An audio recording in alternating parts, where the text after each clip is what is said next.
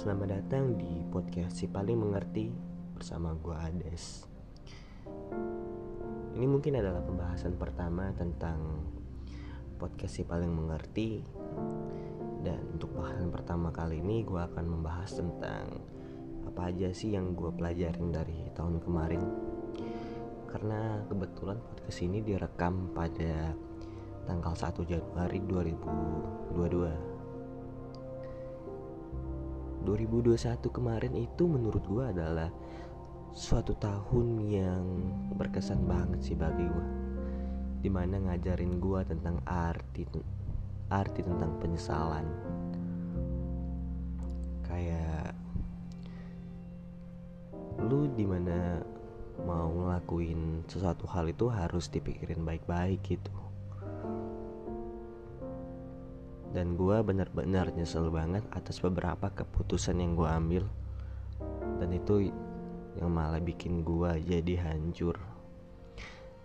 Kayak di mana gue nyesel nggak mikir panjang dalam resign tempat kerja gue kemarin. Uh, di mana gue nyesel banget ninggalin cewek yang bener-bener gue sayang. Dan itu yang akhirnya bikin gue jadi gagal move on hingga akhir tahun 2021 benar-benar ngajarin gue tentang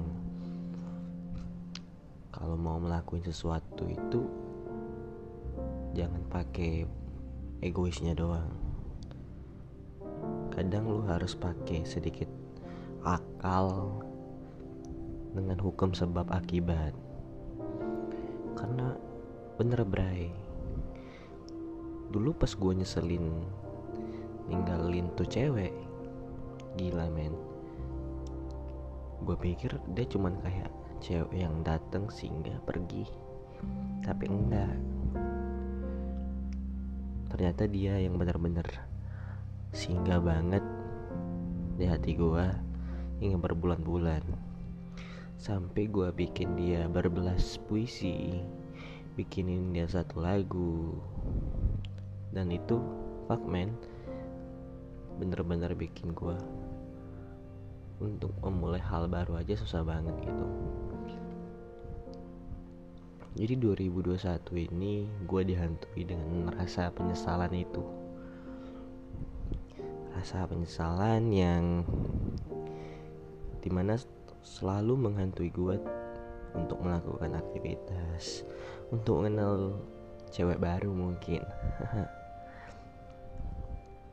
Tapi di sisi lain karena penyesalan itu juga gue mikir beberapa hal. Kalau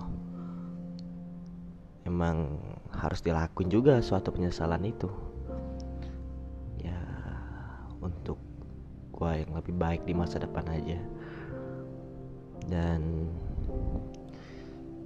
gue sebenarnya berharap banget di 2022 ini kita bisa memulai hal-hal yang positif nih. Kayak kita tinggalin hal-hal yang ngerusak diri kita di tahun lalu. Gue berharap banget gue bisa begitu. Gue bisa harapan gue di 2022 ini ya gue bisa menemukan perempuan yang tepat yang bisa nerima gue adanya. Gue bisa menghilangkan sosok bayangan si cewek itu. Karena kalau kata Ardito Pramono di lagunya yang judul Desan cahaya tuh cewek tuh terang banget. Bukan buat gua doang masalahnya. Tapi buat semua orang yang ada di lingkup dia. Dan fuck lah itu terlalu membuat gue terbayang-bayang akan sosok dia. Gue bahkan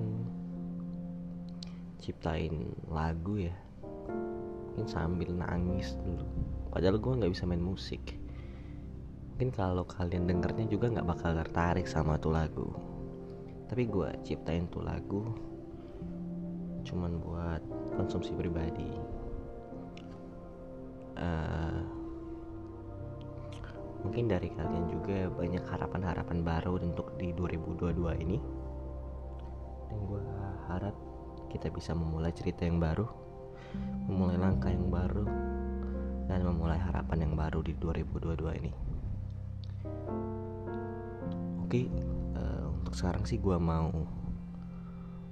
bacain puisi dari gua yang berjudul pesan.